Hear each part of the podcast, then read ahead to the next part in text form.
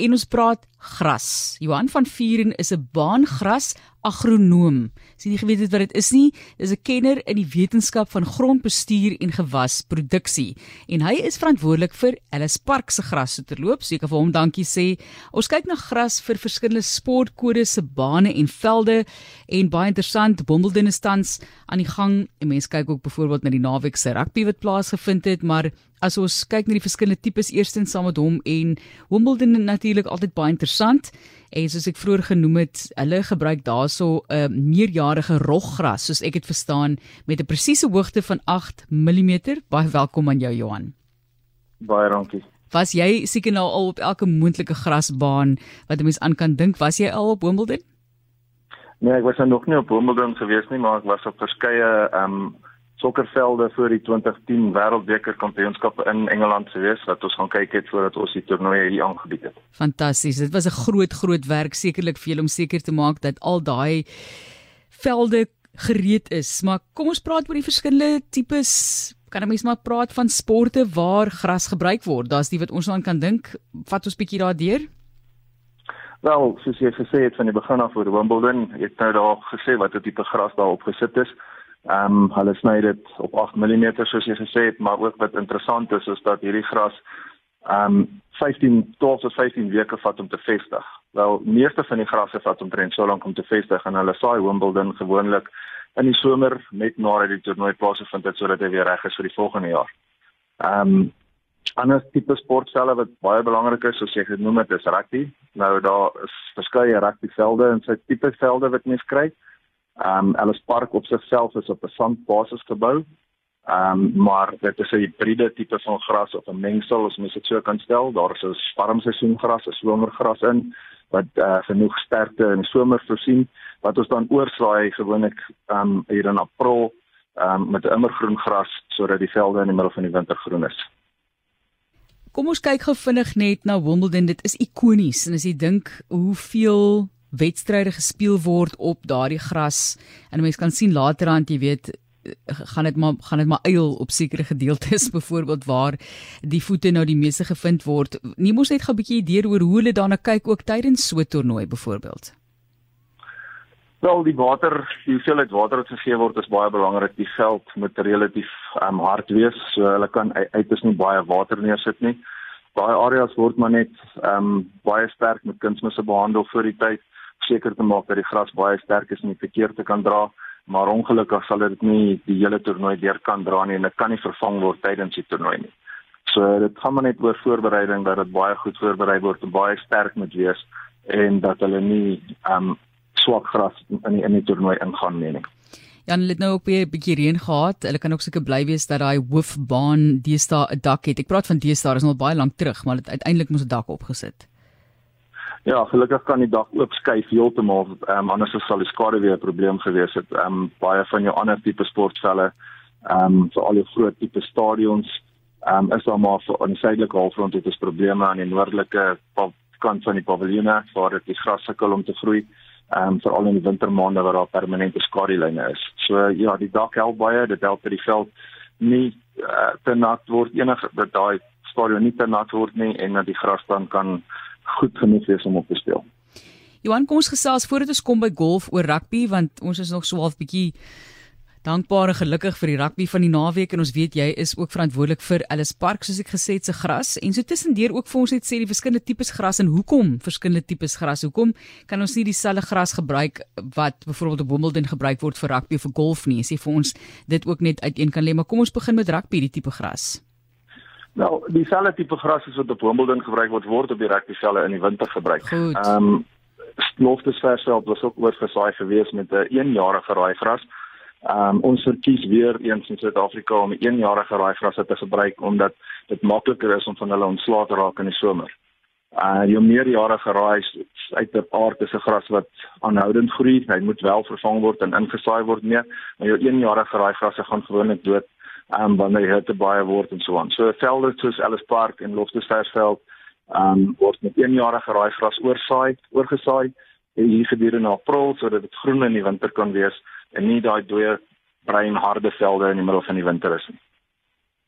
Nou is dit golftyd. Nou ek kry die ou altyd jammer wat moet kyk na 'n golf baan, die setperke. Dis 'n enorme taak net vir hoe groot daardie bane dan nou eintlik is. Wel, ja, die gemiddelde golfbaan is omtrent 16 na 20 hektaar. Toe met ander woorde, om dit in perspektief te bring, dis so 20 rugbyvelde. Ehm um, die setperke op op sigself is maar in totaal al 20 van hulle met jou twee oefensetperke is 'n uh, grootte van 'n rugbyveld, dis gewoonlik 1 hektaar. Nou, die setperke word op 'n baie spesiale manier gebou. Dit word ook op sand gebou sodat daar goeie dreinering is. Ehm um, en dan op hierdie sand setperke word dan ook met 'n koelseisoen gras genaamd eh uh, uh, benkgras gevestig. En ehm um, dit is ook maar net sodat die gras dwars deur die jaar groen is en 'n baie goeie setoppervlakte het. Die res van die golfbaan is maar ehm um, kokoeë, meerendeels. Op party van hulle is ehm um, kweekgrasse, maar meerendeels meeste van ons golfbane in Suid-Afrika het op hulle bowwe en op hulle uh, skoonselle het hulle kokoeë gras. Ons gesels oor gras en die verskillende sportsoorte waar gras dan nou gebruik word. En dan is daar nou nog 'n wye verskeidenheid van ander sporte ook. Johan, ons kyk na rolbal en hokkie. Vertel vir ons van daardie tipes gras wat gebruik word en dan wil ek vir jou vra oor sintetiese opsies. Ek weet nie of jy 'n bietjie daaroor wil praat nie want blykbaar se Ignatius maar hier die Kaapse stadion gaan 50-50 gras en sinteties wees. So kom ons praat eers rolbal en hokkie en dan verskuif ons ons aandag soontoe. Nou, rolbal en hokkievelde is baie naby aan mekaar, dieselfde tipe bestuur wat plaasvind word, dieselfde tipe grasse wat daar op is. Dis meestal kweekgrasse. Ehm um, kokoeie is nie geskik om so kort gesny te word nie, maar jou kweekgrasse kan wel so kort gesny word. Dis harde oppervlakke. So dit is nie oppervlakke wat op sand gebou gaan wees nie. Dit is ook nie eintlik goed om dit te oorsaai met 'n wintergras nie. Die rolbal mense en die hokkie mense hou van daai velle om hard te sodat die balle kan vinnig beweeg. So dit is maar die verskil tussen rolbalvelde, hokkievelde en rugbyvelde. Ehm um, harde oppervlakke teenoor sagte oppervlakke, want dit is nou nie eintlik kontaksport waar die ouens op die gras neergeploeg word en kan seer kry nie. En dan kom ons kyk ja, jy wou eers lag gemaak het. Dis reg gesels man.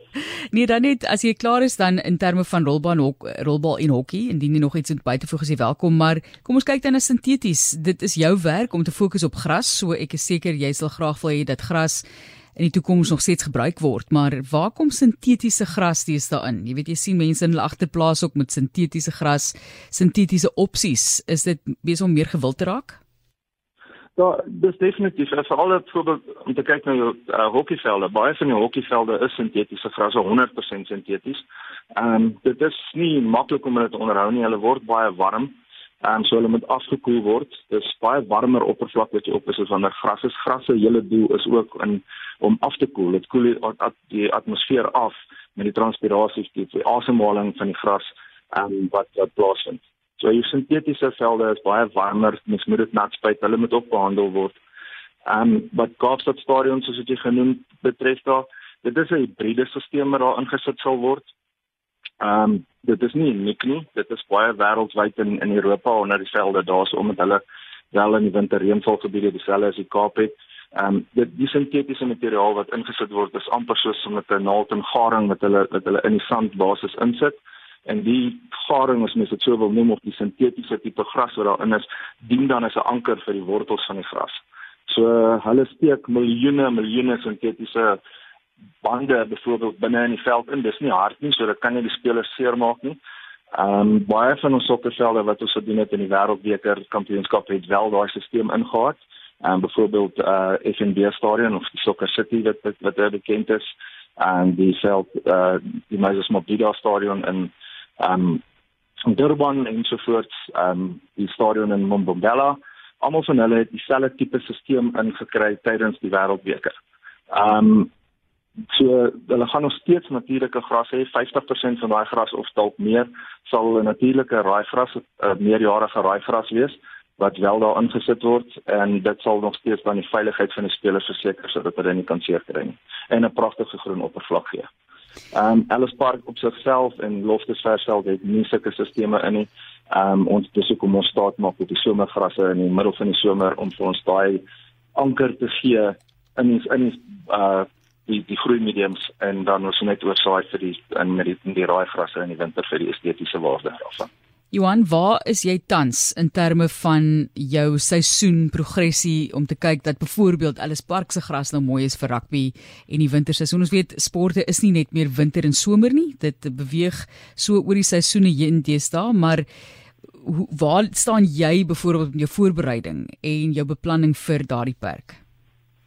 Wel, ons is gelukkig op die oomblik. Ehm um, ons het kon ons voorbereiding meestal gedoen het tot die uh URC toernooi tot 'n einde gekom het. So sy uh, raaigras is klaar in, dis gevestig. Dis ehm um, was daar nog 3 weke oor. Dit is baie sterk. Ehm um, en ek glo nie daar word probleme te wees nie. Die veld lyk pragtig op die oomblik.